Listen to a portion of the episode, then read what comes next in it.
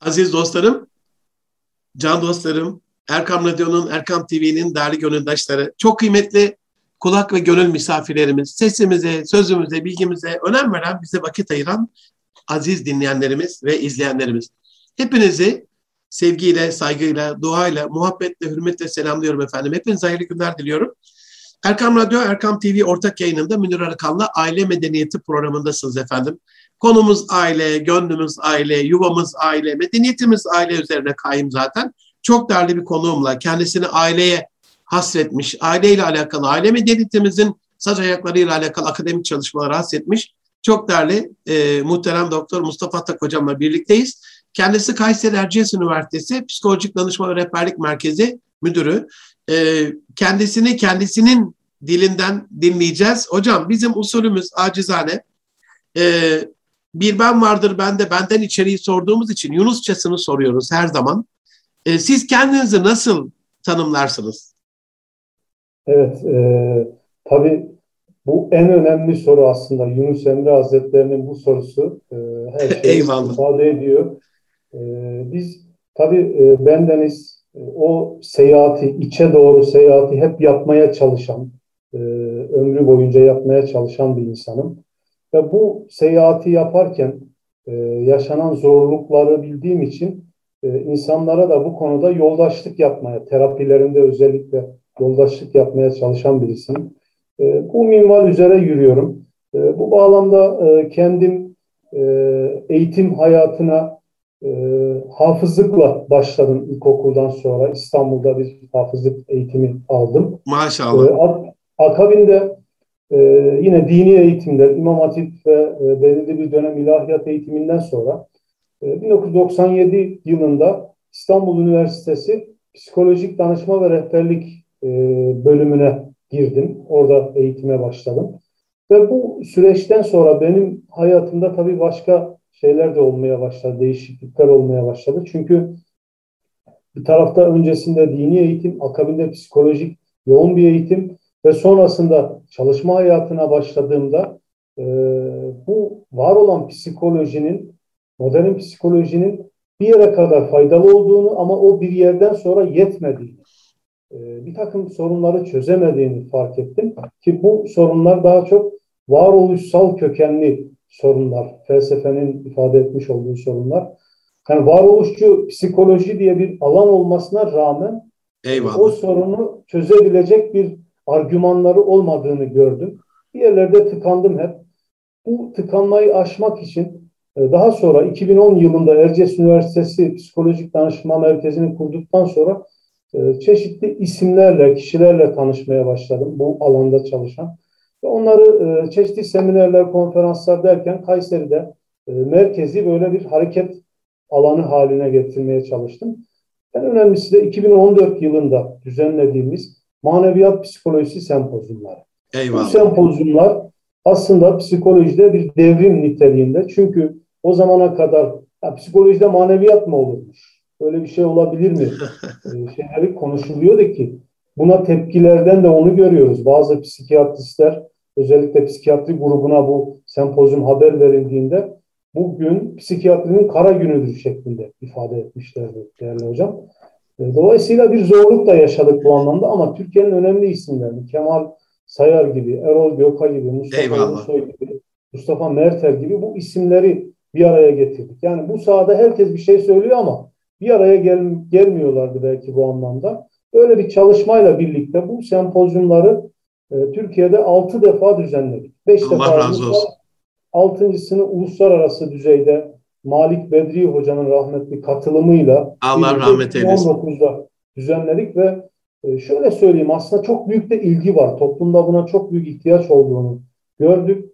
E, bu konuda beş tane de e, bilimsel kitabımız var. Maneviyat Psikolojisi 1, 2, 3, 4, 5 diye ve bu çalışmaların editörlüğünü ve bölüm bazı bölümlerin de yazarlığını yürüttüm. Allah Bunun yanı sıra şimdi aile medeniyetimizi konuşuyoruz ya bu konuda da yaptığımız çalışmalar var ki e, en başta evleniyor muyuz, eğleniyor muyuz diye bir kitabımız var.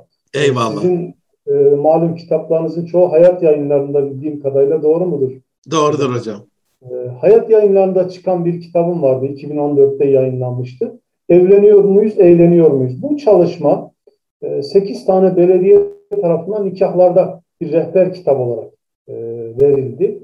Ve sonrasında da bu çalışmaları, evlilikle ilgili çalışmaları evlilik okulu şeklinde devam ettirdik. Üniversite bünyesinde Türkiye'de ilk defa evlilik okulları açtık ve bunu e, ulusal düzeyde hatta en son ki evlilik okulumuzu e, sanal alemde yaptığımız için dijital alemde tüm Türkiye'de izlemiş oldu. Bu bağlamda da e, gençlere rehberlik etmeye çalıştık. Yani evlilik öncesinde ya da evli gençlere e, nasıl davranacaklar, evlilikte ne yapacaklar konusunda e, çalışmalar yapmaya çalıştık. Yani bizim hikayemiz uzun ama kısaca böyle yapalım. Allah razı olsun. Eksik olmayın. Hocam özellikle İslam tarihinde psikoloji üzerine araştırmalarınız da var.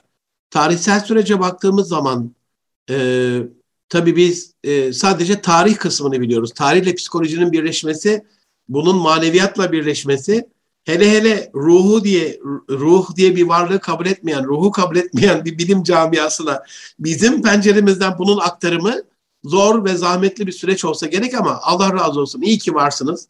Ee, Allah var etsin. Bu açıdan baktığınızda tarihsel süreçte Müslümanların psikolojisinde ne tür bir değişim gördünüz? Mesela ilk dönem Müslümanlarının psikolojisiyle bizim e, psikolojimizi, bizim dönem Müslümanlığının psikolojisini e, kıyaslarsak bu konuda bize neler söyleyebilirsiniz hocam? Bu çünkü bizi ya motive edecek ya bu devirde olmuyor diyeceğiz, pes edeceğiz Allah korusun. Tabii ki öyle olmayacak ama sizden bu konuda bizi motive edecek şeyler bekliyorum hocam. Eyvallah. Şimdi ilk dönem Müslümanlarına baktığımızda hakim olan zihniyet, sabır, şükür, tevekkül e, gibi bu tür erdemler hakim. Dolayısıyla e, psikolojik problemlere daha az rastlanıyor. Yok değil var.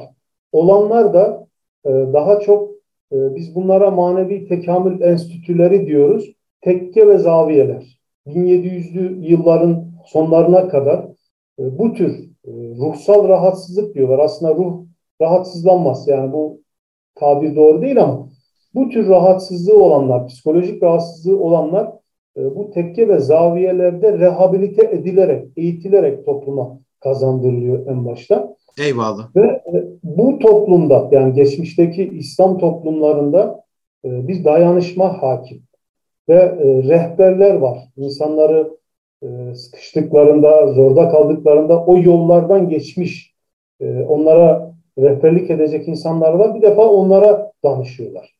Bu e, anlayış dolayısıyla e, psikolojik sorunları azaltıyor. Mesela strese bağlı hastalıklar diyoruz.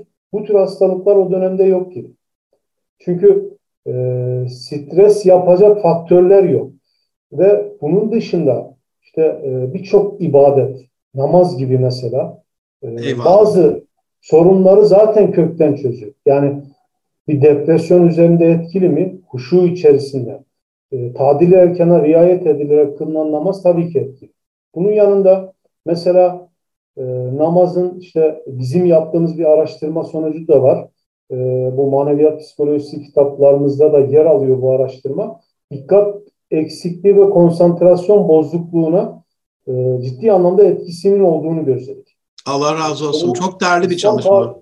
Bu, bu çalışma inşallah ben size şeyini de göndereceğim bu çalışmanın. Allah razı olsun. Ve bu konuda da hani bir şey de yürüttük. E, namaz kılmayan önce sonrasında kılanlar e, da hani önce namaz kılmayıp sonra bir programla e, namaza teşvik programıyla başlayanlar da e, yapılan da dikkat e, şeyinin yükseldiğini, dikkat eksikliğinden e, kurtulduğunu çocukların veya e, ne diyelim e, konsantrasyon bozukluğundan kurtulduğunu gördük. İşte geçmişte bir defa bu vardı. Yani namaz vardı. Başka Eyvallah. mesela öfke. Günümüzün şiddet en önemli sorunu. Geçmişte bu nasıl çözülüyordu ki? E, bugün öfke için e, modern psikolojinin en hızlı çözümlerinden birisi eli yüzü yıkamaktır. Ya. Halbuki Peygamberimiz ne buyuruyor? İşte öfke e, şeytandandır. Şeytan ise ateşten yaratılmıştır. Ya. Ateş ile, ateş ise su ile söndürülür. Eğer sizden biri diyor öfkelendiyse hemen kalkıp bir abdest alsın buyuruyor.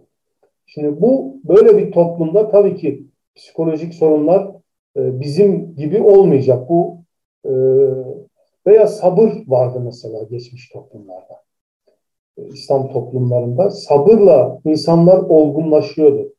E, işte bir mürşidin yanında yetişmek de bir sabırdır. Yani onun söylediklerini yapacaksınız, kurallara e, riayet edeceksiniz, işte oradaki kişilere katlanacaksınız, arkadaşlarınıza, ihvanlarınıza gibi e, ve şu düşünülüyordu bizim toplumda sabırla ilgili. Sabır sürünün anahtarı. Bu hadis-i şerif olarak biliniyor.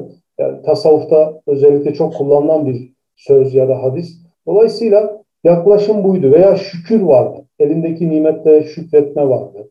İşte kula teşekkür etmesini bilmeyen Allah'a da şükredemez anlayışı hakimdi. Dolayısıyla e, tevekkül vardı. Hatta daha ilerisi tefviz vardı. Yani başına gelecek olayları önceden kabullenme. Her ne gelirse gelsin Allah'tan eyvallah anlayışı vardı. Dolayısıyla e, geçmiş toplumların bizden farkı buydu. O yüzden psikolojik rahatsızlıklar bize göre daha azdı.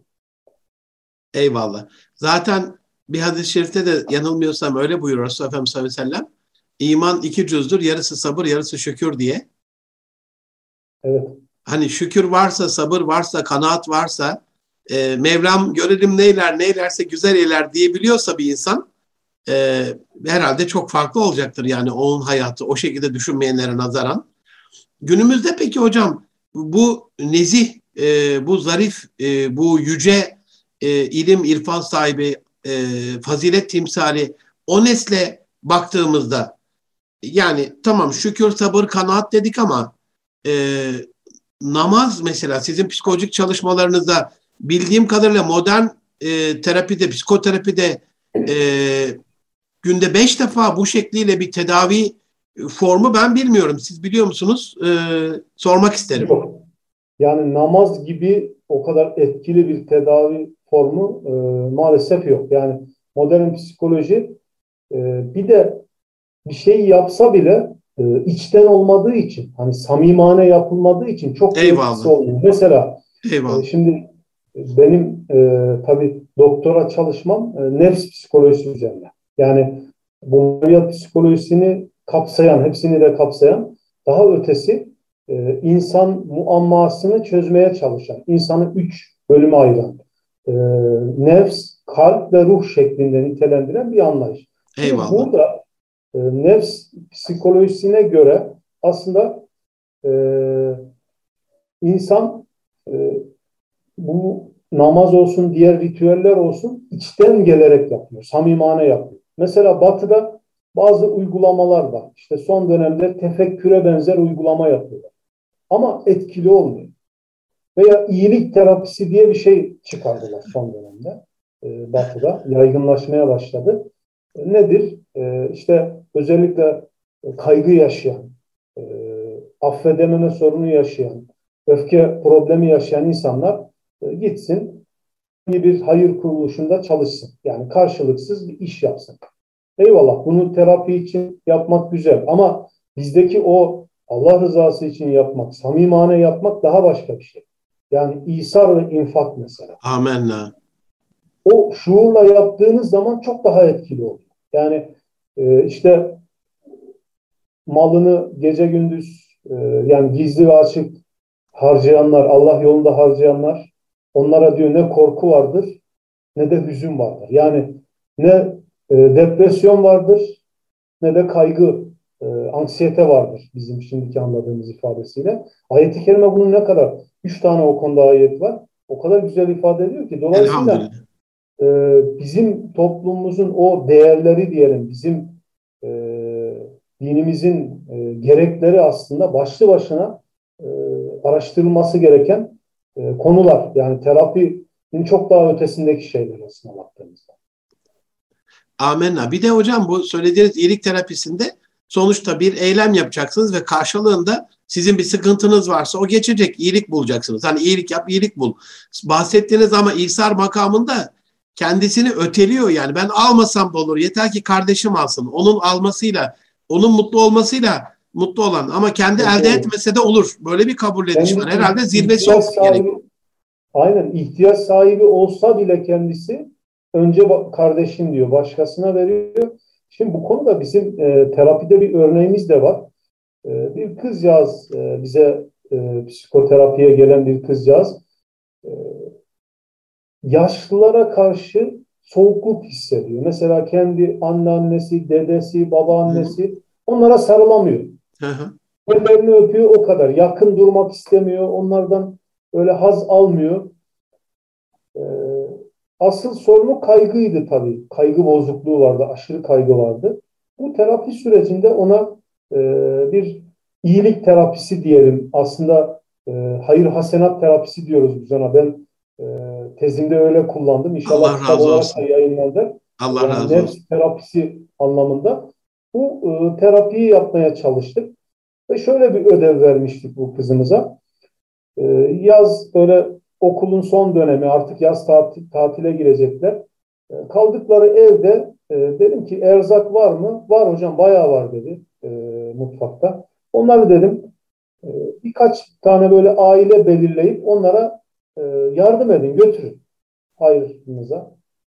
Çok da memnun oldular. Sonra buna bir vakıf evinde kalıyorlar. Vakıftaki işte üst abilerine ya da oradaki yetkililere söyleyince onlar hay hay demişler. Çok memnun olmuşlar. İşte araçta hadi kızım gidelim. 3-4 tane öğrenciyle birlikte gidiyorlar. Orada e, farklı ailelere veriyorlar e, o erzaklarını. Bir tanesi diyor çok dikkatimi çekti. Böyle yaşlı bir teyze. O kadar böyle samimane bana sarıldı ki. Ve ben çok duygulandım. Yani yaşlılardan hep kaçardım ama oradaki o e, sahne e, beni diyor yaşlara karşı yaklaştırdı. Öyle ki e, işte ilk gittiğimde babaannem, dedem onlara böyle büyük bir şeyle sarıldım. Samimiyetle sarıldım. Bunu hissettim diyor. Veya affedememe sorununu aşan birçok kişi var bu konuda. Yani bu çok çok önemli bir e, terapidir. Özellikle İsar ve infak. Yani bizim için, biz Müslümanlar için diyelim çok çok önemli bir kaynak. Elhamdülillah. Zaten hayat hocam affetmeden nasıl devam eder ki affedemeden?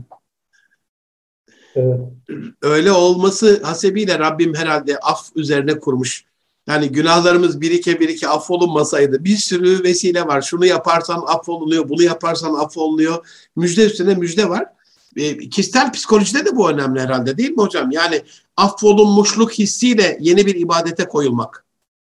Evet. E, yani af üzerine yapıyorlar. Mesela e, hani kişilerin kızgınlıklarına baktıklarında, derinde yatan öfkeye baktıklarında affedememe çıkıyor. İşte yeah. geçmişte bir travma yaşayabiliyor, taciz yaşayabiliyor, başka şeyler yaşayabiliyor ve o yaşadıkları insanları affedemiyor. Ya da babasından bir haksızlık gördüğünü düşünüyor, çevresinden. Dolayısıyla e, bu durum e, daha kötü hale getiriyor. Mesela Freudian psikolojide, e, psikoanalizde ise suçlama var. Yani hep suçluyor çocukluk dönemine iniyor, işte annesini suçluyor, babasını suçluyor, kardeşlerini suçluyor. Bir süre sonra etrafına düşman hale geliyor. Yani o affetme şeyi daha da daralıyor.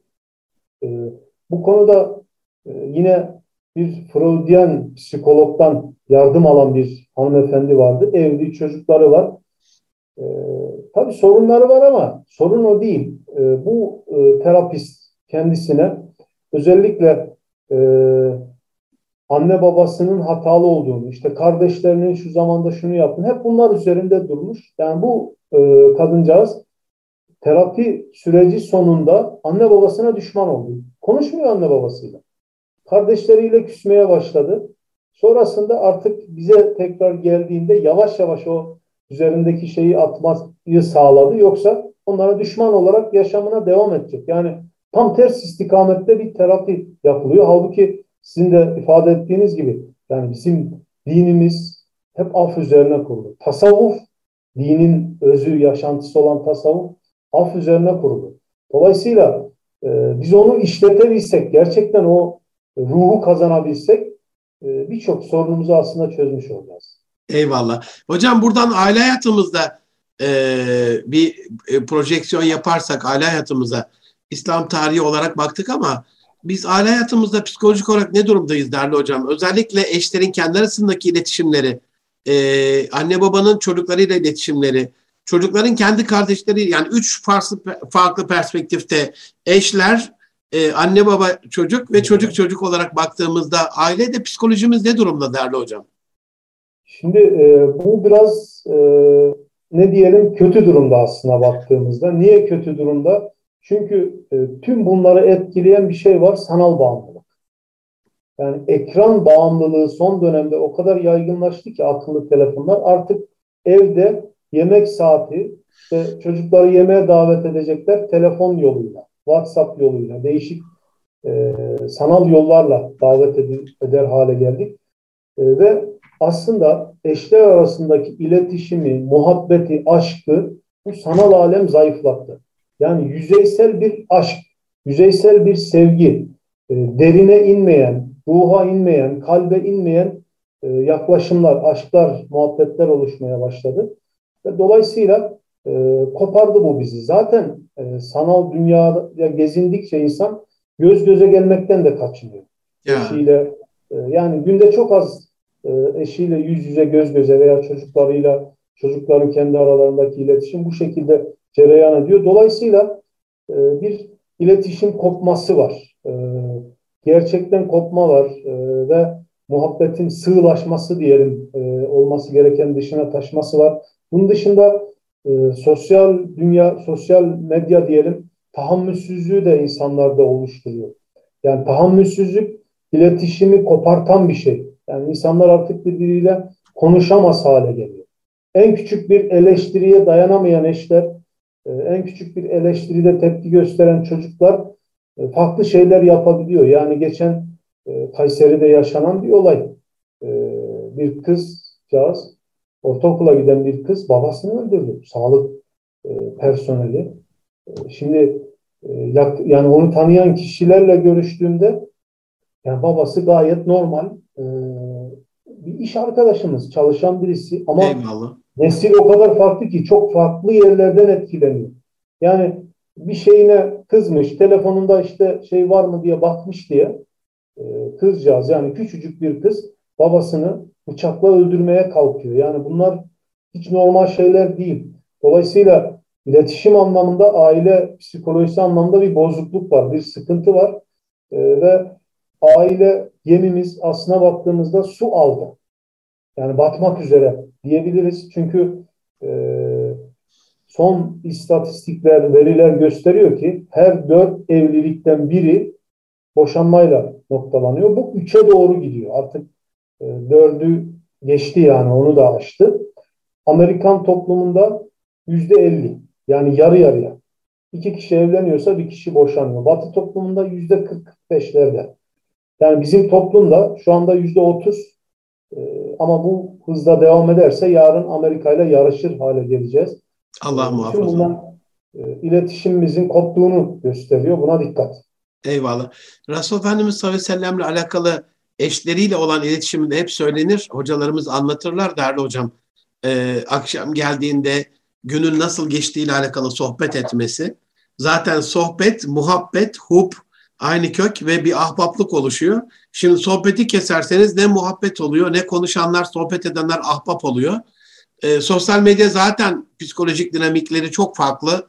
E, yalancı ve sahte beyanlar üzerine e, birbirine üstün görünme, e, var olanın dışında olduğun gibi görün, göründüğü gibi ol değil de olmadığın bir imajı e, parlatarak sunmanın e, bir algı, bir e, belki de manipülasyonu peşinde öyle söyleyebiliriz. Dolayısıyla o, o sahte ve sanal dünyanın da bir faturası da oluyor. Yani insanlar aldatıyorsa birini e, herhalde bundan dolayı kendileri de bir gocunmuş, kendileri de bir zarar görmüş olacaklar. İletişim sorununun dışında bir de böyle bir e, sosyal medyanın başımıza açtığı bir bela var. Peki e, tamam gemi gemi aile gemisi hocam su alıyor ama huzurlu, mutlu, başarılı bir İslam ailesinin e, psikolojisine sizin perspektifte, sizin çalışmalara göre baktığımızda olumlu etki edebilecek unsurlar neler hocam? E, aile psikolojimiz nasıl kuvvetlenir, nasıl güzelleşir? E, bu gemiyi nasıl yürütebiliriz diye sorsam ne dersiniz? Şimdi ben dört tane izim var. Bunlardan kurtulmamız gerekir diye düşünüyorum. Eyvallah. Bu dört izim bir tanesi dijitalizm yani sanallık. İkincisi e, narsizm, bencillik. Ya. E, narsisizm diye geçiyor. Üçüncüsü e, konfortizm e, konfordan kurtulma şeklinde ifade ediliyor. Dördüncüsü de hedonizm. Yani zevk anlayışı, zevkçilik anlayışı. Şimdi evvela e, dijitalizmden kurtulmak. Yani bunu nasıl yapacağız? Cep telefonlarını, akıllı telefonları bir kenara bırakacağız. Bu e, bizim olmazsa olmaz şartımız. İşte o zaman sağlıklı bir aile ortamı günümüzde oluşmaya başlıyor. Ve e, burada e, ayeti kerimede işte hep her yerde o vurgulandı düğünlerde, e, nişanlarda. Rum suresi 21. ayeti. E, yani kendileri ile huzur bulasınız diye size e, türünüzden eşler yaratması ve aranızda bir sevgi ve meveddet diyor, muhabbet veya merhamet var etmesi onun varlığının delillerindendir. Yani bu ayet ve min ayetihi diye devam ediyor. En halagalekum min enfusikum. Şimdi e, buradaki aile ortamı bu e, durum ancak ve ancak e, dijitalizmden kurtulmakla mümkün en başta. İkincisi şey, e, şimdi bu konuda peki nasıl kurtulacağız? Narsizmden şey, e, dijitalizmden kurtulmanın ne? E, çocuklarımıza demekten ziyade dediğim gibi önce biz kendimiz kabul edeceğiz. Yani bundan kendimiz kurtulursak zaten çocuklarımıza bunu bırakacağız. İyi örnek olursak herhalde. Evet, iyi model olalım diyorum. İkincisi narsizmden kurtulmak ki narsizm mesela yapılan araştırmalar gösteriyor ki e, özellikle batı toplumlarında her iki gençten birinde yaşanan bir problem. Yani özseverlik, kendini aşırı sevme, e, kendisi dışındakilerle ilgilenmez, ilgilenmeme, sanki kendi yaşıyormuş gibi dünyada hissetme. Bu konuda en önemli şey maneviyat. Yani nasıl maneviyat? Maneviyat eğitimleri diyelim, manevi eğitimler. Çünkü 2014 yılında yaptığımız bir araştırma var, maneviyat araştırmaları. Allah razı olsun. Orada e, maneviyat destekli eğitim almış olanlarla almayanlar karşılaştırıldı. 1500 kişi üzerinde yapılan bir araştırmadan bahsediyorum. Ve e, manevi destekli, maneviyat destekli eğitim alanlarda narsizm e, düzeyleri normal. Yani fazla değil. Ama e, manevi destek almayanlarda ise e, narsizm var. Yani yüksek bir narsizm oranı ortaya çıkmıştı. Yani bunun ilacı olarak da gördüğümüz şey aslında bu. E, şimdi evlilik de aslında narsizm ile taban tabana zıt. Çünkü ya. evlilikle ben olmaktan kurtulacağız, biz olacağız. Eyvallah. Hani o bizim e, içinde Halil Cibran şey diyor. Bizim benim içinde de şey bizim içindeyiz ama beni de yaşayabilmek.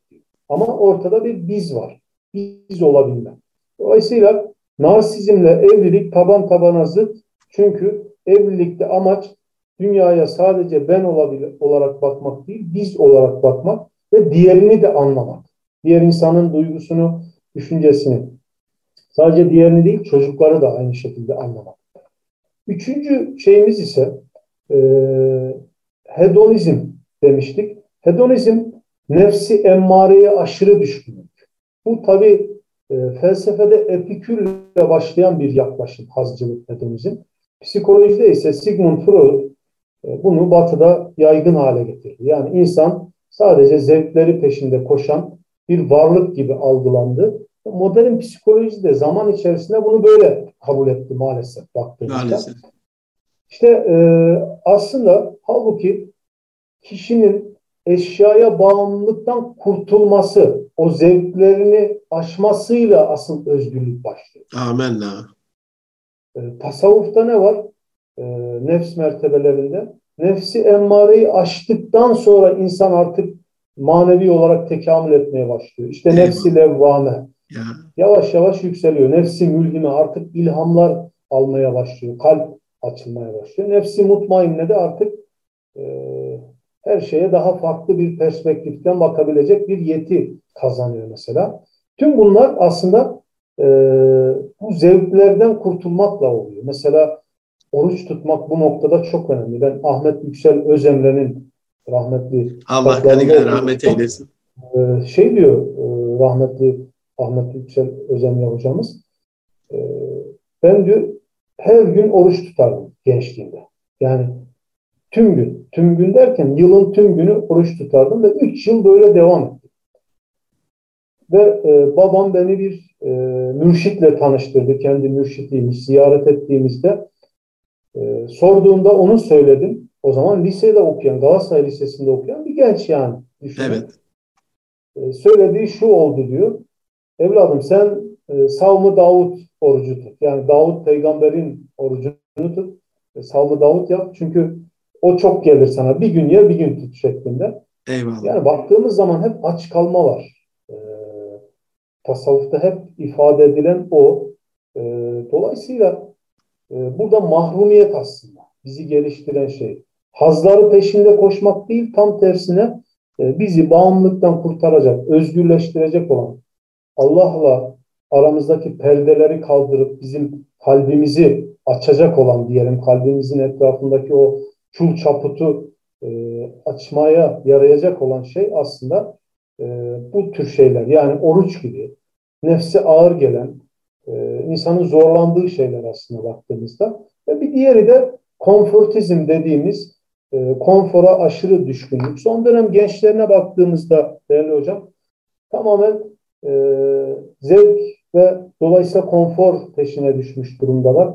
Yani elini e, soğuk sudan sıcak suya, sıcak sudan soğuk suya hiç e, getirmek istemiyorlar. Yani öyle bir noktadalar ki dolayısıyla evlilikler de aslında e, bu konfor merkezli yaşam beraberinde borçlanmayı getiriyor. E, işte hep daha iyisini alalım. Beraberinde bu geliyor. E, ona sahip olalım. Hem biriktirme hırsı meydana geliyor. Hem de Kesinlikle. E, sürekli borçlanma, gelecek aylara, gelecek yıllara yönelik borçlanmalar devam ediyor ve bu insanı daha çok mutsuz ediyor. Daha çok çalışması gerekiyor. Kaygıya, strese, depresyona sokuyor gibi. Burada da çözüm ne? Çözüm e, bir defa biz biriktirmeyi bırakacağız. Yani biriktirme hastalığından kurtulmamız gerekiyor. E, Roman Diyojen, Diyojen için anlatıyorlar, filozof Diyojen için. E, böyle bir e, fıçının içerisinde yaşarmış yani. Ömrü öyle geçmiş. Elinde de bir tane su kırbası var. Ona da su dolduruyor. E, suyu da onunla içiyor. Bir gün e, bakıyor ki bir suyun başında adam eğiliyor su içiyor. Elinde herhangi bir şey yok yani su içecek bir kap da yok. Ondan sonra onu da atıyor. Buna da gerek yok. Yani. yani biraz o şekilde fazlalıkları atmak, vermek aynı zamanda. Yani Eyvallah. 20 tane gömleğimizin olmasına gerek yok. Eyvallah. Yani bunları verdiğimiz oranda, ne kadar azalttığımız oranda mutlu olacağız aslına baktığımızda. Ve bir de elimizdeki nimetlere, nimetlerle yetineceğiz. Bu çok önemli. Yani benim yine e, öğrenci olma kılavuzu diye rahmetli Ali Fuat Başkil Hoca'nın e, bir gençlerle baş başa kitabı vardı. Eyvallah. Onu psikolojik anlamda ona benzer bir çalışma yürütmüştüm. O da kitap olarak yayınlandı. Allah razı olsun. E, özellikle orada şunu demiştim. Elindeki nimetlerle yetinmesini bilmeyen ya kördür ya da nankördür. Eyvallah. Yani bu, bu noktaya geldiğimiz zaman kör ya da nankör olduğumuzda maalesef e, bu konfordan başka bir şeyden kurtulamıyoruz. Yani mutluluğu yakalayamıyoruz. Orada da e, elindekiyle yetinmek işin özü ve diğer taraftan biriktirmemek, atmak bunları tamamıyla e, o durumda da rahatlayacağız diye düşünüyorum. Allah razı olsun. Aslında bu anlattığınız hocam e, dört izmin odak noktasında kurtulmamızı sağlayan şey herhalde fedakarlık e, olsa gerek. Biraz feda edebilmeyi, kardan feda edebilmeyi, e, nefis de çok nefis hocam istemiyor. Her türlü kar kendine gelsin istiyor. Rabbimizin buyurduğu şekliyle yani Allah'ın hazineleri verilmiş olsa insan yine de eksilir korkusuyla vermeyecekmiş. Yani böyle de pis bir nefsimiz var. Allah onu e, inşallah ıslah etmemizi lütfeylesin, nasip eylesin. E, öyle diyor bir, bir psikolog hatırlayamadım şu anda bir filozof. Hayat diyor e, kazandığını harcayarak kendi hayatını devam ettirmekten ziyade verdiklerinle yepyeni hayatlar başlatabilmektir. Bu daha önemli bir zevk. Psikolojik açıdan da öyle aslında. Yani yani o orada dediğiniz gibi e, aslında çok güzel siz özetlediniz. Fedakarlık. Yani bu dört izmin ortak noktası da bu. Eyvallah. Ve bu fedakarlığı e, yakalamak da aslında e, yani İsar ve infak dedik ya vermek, Eyvallah. cömert olmak. Bu sadece mal değil yani her şeyde zamanını vermek, Amen. manevi destek olmak hepsi içinde aslında tüm bunlar e, o destek olunan verilen kişiden ziyade veren kişiye daha çok katkı sağlıyor. Yani psikolojik katkısı Eyvallah. aslında verene o üzerindeki yük kalkıyor. Kesinlikle. Kendini rahatlamış, yepyeni bir dünyaya girmiş gibi hissediyor. Bunlar önemli şeyler. Hocam dördün odak noktası çadırın direği fedakarlık dedik ama onu da ayakta tutan şey sevgi diye düşünüyorum. Bir örnek vermeme izin verin lütfen. Şimdi bir anne düşünelim. Bir anne düşünelim. Ee, bebeği var. Birkaç aylık. Emzirmesi lazım. Ee, bu anne bebeğini emzirirken mi mutlu olur? Yoksa bir yemek var. Hazır bir sofra, mükellef bir sofra. Gidip karnını doyururken mi mutlu olur? Tabii ki emzirirken. Bunu dünyanın bütün milletlerine sorsak herhalde psikoloji de bunu böyle kabul eder. Yani ölçülebilir bir mutluluktur, gözlenebilir bir mutluluktur. E, yemeden, yemeğinden fedakarlık yaparak çok aç olmasına rağmen herhalde o ağlayan çocuğunu e, göğsüne bastırarak onu emzirmek onu çok daha mutlu eder. Peki anne bunu neden yapar hocam? Sevdiği için. Herhalde ey Allah'ın kulları kardeş olun diye bize yapılan bu tavsiye de bizim sevgi katsayımız biraz düştü son dönem Müslümanlarında birbirimizi Allah için sevmez mi olduk bilmiyorum. Hani sevgi de az gibi geliyor hocam. Bilmiyorum ne dersiniz? Yani şey var psikolojide hani hocam koşullu koşulsuz sevgi diyorlar ya. Ya. Aslında burada e, biz sevgimizi artık koşullu hale getiriyoruz zaman içerisinde. Hepsini. Yani o içten samimi sevgi kayboluyor. E, her şey yüzeyselleşmeye başlıyor. Bunun sevginin ötesinde de aşk var aslında baktığımızda. Yani ya. e, o kadar önemli bir şey ki her şeyin merkezinde e, mesela merhum e, Fethi, Fethi Gemuhluoğlu hoca Allah gani gani rahmet eylesin. Selam olsun. Selamların en güzeliyle. inşallah e, öğrencilere burs verirken binlerce öğrenciye burs vermiş, destek olmuş bir büyüğümüz rahmetli. E, sorduğu ilk soru sen hiç aşık oldun mu? Birisini sevdin mi? Eğer yok diyorsa ona burs vermezmiş.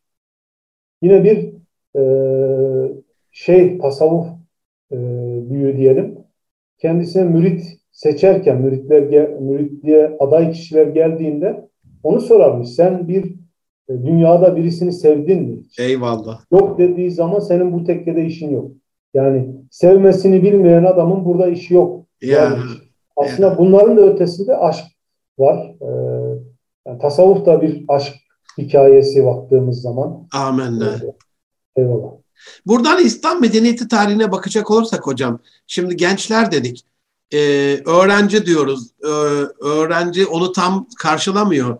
Ee, ilmi talip derken ilim talebelerinin durumlarını, onların şartları, imkanları ne düzeydeydi? Ee, Ki onlar İslam medeniyetini bugünlere taşıdı. Günümüz üniversite öğrencilerinin psikolojisine e, sizin gözünüzle baktığımızda onlardan evlatlarından ayrı kalan şimdi yeni bir dönem başlıyor. E, tercihler e, açıklandı. Kazananlar kazandıkları bölümleri üniversiteleri öğrendi. Onlardan ayrı kalan anne babaların psikolojisi açısından da e, günümüzde durumu onlara kıyasla nasıl görmektesiniz siz? Günümüz üniversite öğrencilerinin en büyük sorunu bu açıdan psikolojik olarak nedir ve bunu nasıl çözebiliriz hocam? Biraz uzun oldu ama. Ee, eyvallah. Ee, bu geçmişe baktığımızda geçmişte malum medreseler bu eğitimi veriyorlardı. Ki Nizamiye ile Nizamiye medreseleriyle başlayan bu süreç Eyvallah. e, 1700'lü yılların sonuna kadar çok güzel bir şekilde işledi. Bunda kuşku yok. Ve e, bu medreseler işte Gazali ile başlayan e, o dönemde yine e, Farabi gibi, İbn Sina gibi, e, daha sonra İbni Haldun gibi, önceki dönemde yine Ömer Hayyam gibi, e, daha sonraya geldiğimizde Osmanlı döneminde Ali Kuşçu gibi birçok ismi Takiyüddin gibi veya Katip Çelebi, Piri Reis, e, Hazarfen Ahmet Çelebi, daha yakın dönemde Ahmet Cevdet Paşa, yani medreselerin en kötü olduğu dönemde bile bu isimler e, bilime, teknolojiye bir ufuk getirmişler. E, aydınlatmışlar yani aslında baktığımızda. Eyvallah. Fakat bunların ötesinde bir şey daha var. Mesela Hazreti Mevlana da iyi bir medrese eğitimi almıştır e, başlangıçta. Ama babası şunu demiştir ona. E, oğlum bu aldığın eğitim evet zahiri ilimler tamam güzel ve güzel de vaaz ediyor. Çok iyi bir vaiz. Herkes peşinden koşuyor. Atıyla geldiği zaman büyük kalabalıklar toplanıyor. E, sana Seyit Burhanettin Hazretlerini çağıracağız diyor. Yani onu o zaman Karaman'a, Konya'ya, önce Karaman'da kalıyorlar, oraya davet ediyor. Çünkü senin artık e, bir manevi terbiyeye ihtiyacın var. Evet maddi ilimleri öğrendin ama bu yetmez. Ve Seyyid Burhanettin Hazretleri birkaç yıl o tedrisata başlıyor. Ona mürşitlik ediyor daha açık ifadesiyle. Eyvallah. Ve artık bir gün geliyor diyor ki e, evladım diyor Mevlana Hazretlerine artık ben gideceğim Kayseri'ye gideceğim. Ya hocam nereye falan işte biz daha ne güzel devam ediyoruz. Yok diyor artık e, iki güneş bir arada bulunmaz. Ben gidiyorum diyor başka bir güneş gelecek. O da Şemsi Tebrizi. Yeah. Ben geçen hafta da Konya'da ziyaret ettim. Gerçekten çok farklı bir şeyi var. Atmosferi de var e, mekanının da e, yapılan caminde. Ve e, Şems Tebrizi Hazretlerinden bu şeyi manevi e, eğitimi almaya devam ediyor. Hatta o vefat ettikten ya da oradan ayrıldıktan sonra iki rivayet var. E, Mevlana Hazretleri e, Selahaddin Zerkıp var. Bir e, kuyumcu çarşıda. Onunla o manevi şeye devam ediyor. Hatta o gittikten sonra yine e, devam ettiği bir isim daha var. Çelebi. Ne Çelebi'ydi şu an ismi birden aklıma gelmedi. Eyvallah. O da Mesnevi'yi yazan bir kişi. Yani şunu demek istiyorum. Aslında o manevi şey hep vardı geçmişte. Sadece zahiri ilimler yoktu. Manevi destek vardı. Şimdi günümüze baktığımızda evet üniversiteler medreselerin yerindeki ilim yuvaları. Gerçekten özgür bir ortam var üniversitelerde. Güzel bir ortam var. Ben de üniversitelerin bir mensubu olarak hele hele Erciyes Üniversitesi'nde mesela yaptığımız o programların hepsinde hem şimdiki rektörümüzün hem geçmişteki rektörlerimizin çalıştığımız hepsinin desteği var. Yani Allah razı olsun. Veriyorlar, destek oluyorlar. Bunlar önemli şeyler. Ama e, bir şey var üniversitelerde, bir e, farklı bir şey var. O da pozitif bilim metotlarıyla sadece eğitim verilmesi. Eyvallah. Belki fen bilimlerinde biraz daha bunlar e, belirli bir düzeye kadar eyvallah ama sosyal bilimlerde özellikle felsefe, psikoloji, sosyoloji gibi, antropoloji gibi bilimlerde bu ya. mantık pozitif metotlarla, ilahiyatta bile pozitif metotlarla verilen batı menşeili anlayış maalesef son dönemde hakim olmaya başladı. Bu durum e, o manevi tarafına esas olmayı diyelim e, eksik tutuyor. Yani dolayısıyla gençler belki çok başarılı olabilir ama e, eksik kalıyorlar. Eksik kalıyor. Bir tarafları hep eksik kalıyor. Yani gönül tarafı, kalp tarafı, ruh tarafı eksik kalıyor. Yani bedene yatırım yapıyoruz. Eyvallah. Zihne de ilmi anlamda yatırım yapıyoruz. Güzel teknolojik buluşlar yakalıyor ama e, varoluşsal anlamda zayıf. O manevi dünyası e, kiminin yok, kiminin e, çok zayıf durumda. E, dolayısıyla gençlerin aslında e, sorgulayan güzel bir şeyi var aslına baktığımızda. Fakat e, maalesef mesela Mevlana dedim biraz önce. Mevlana'yı bile batıdan anlamaya çalışıyor. Yani müsteşriklerin, e, oryantalistlerin kitaplarından anlamaya çalışıyor. Halbuki bir Ahmet Avni konuğu okumak lazım rahmetli. Veya Tahirül Mevlevi Hazretlerinden okumak lazım. Amenna. Amenna. Ee, yani bu isimlerden ya da ne bileyim Muhittin İbni Arabi'yi Batılılardan okuduğunuz zaman e, sapkın bir şeye doğru gidiyorsunuz. İnsanlar bunu hissediyor. Ama bir Abdurrazak Kaşani'den e, veya bir e, Sadreddin Konevi'den ya. diğer taraftan e, Davut el Kayseri'den bunlardan okuduğunuzda e, şehirlerini çok daha farklı bir şeyle karşılaşıyorsunuz. Konevi Hazretleri'nin özellikle çok şeydir tespitleri tutarlı. Bugünkü psikoloji... Manevi evladı zaten. Ya manevi eyvallah. Evladı. Bugünkü psikoloji ilmine de kaynak olabilecek çok değerli, tutarlı şeyleri vardır. Analizleri, güçlü analizleri vardır. Ee, hocam çok çok teşekkür ediyorum. Şeref verdiniz. Ee, inşallah ilerleyen vakitlerde, yeni bölümlerde de sizlerle beraber oluruz farklı konularda. Ben bilimsel, bilimsel çalışmalarınızda zirveleri farklı disiplinlerden üstadları bir araya getirme faaliyetiniz olarak çok önemsiyorum bilimsel makalelerdeki katkınızı, etkinizi, yeni kitaplarınızı önemsiyorum. E, dinleyenlerimizden, izleyenlerimizden dua edelim, dua isteyelim inşallah. Rabbim inşallah. zamanda bereket lütfeylesin sizlere. Hayırlı çalışmalarda çabanızı, sayenizi meşgul eylesin. Muvaffak eylesin. Dualarımız İnşallah. sizinle. Ee, aziz dostlarım, Münir Arıkan'la bir aile medeniyeti programının daha sonuna geldik. Kayseri Erciyes Üniversitesi Psikolojik Danışma ve Rehberlik Merkezi Müdürü muhterem hocam e, Doktor Mustafa Atak e, bizlerle beraberdi. Dualarınızı kendisini Allah yolunda adayan, o güzel hayır hasenatlarını ilim yolunda e, bizlere faydalı çalışmalarda bulunan dostlar için esirgemeyelim.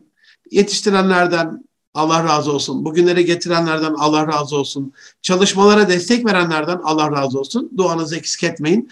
Gelecek hafta bir başka konukla görüşmek üzere. Hoşçakalın. Allah'a emanet olun efendim.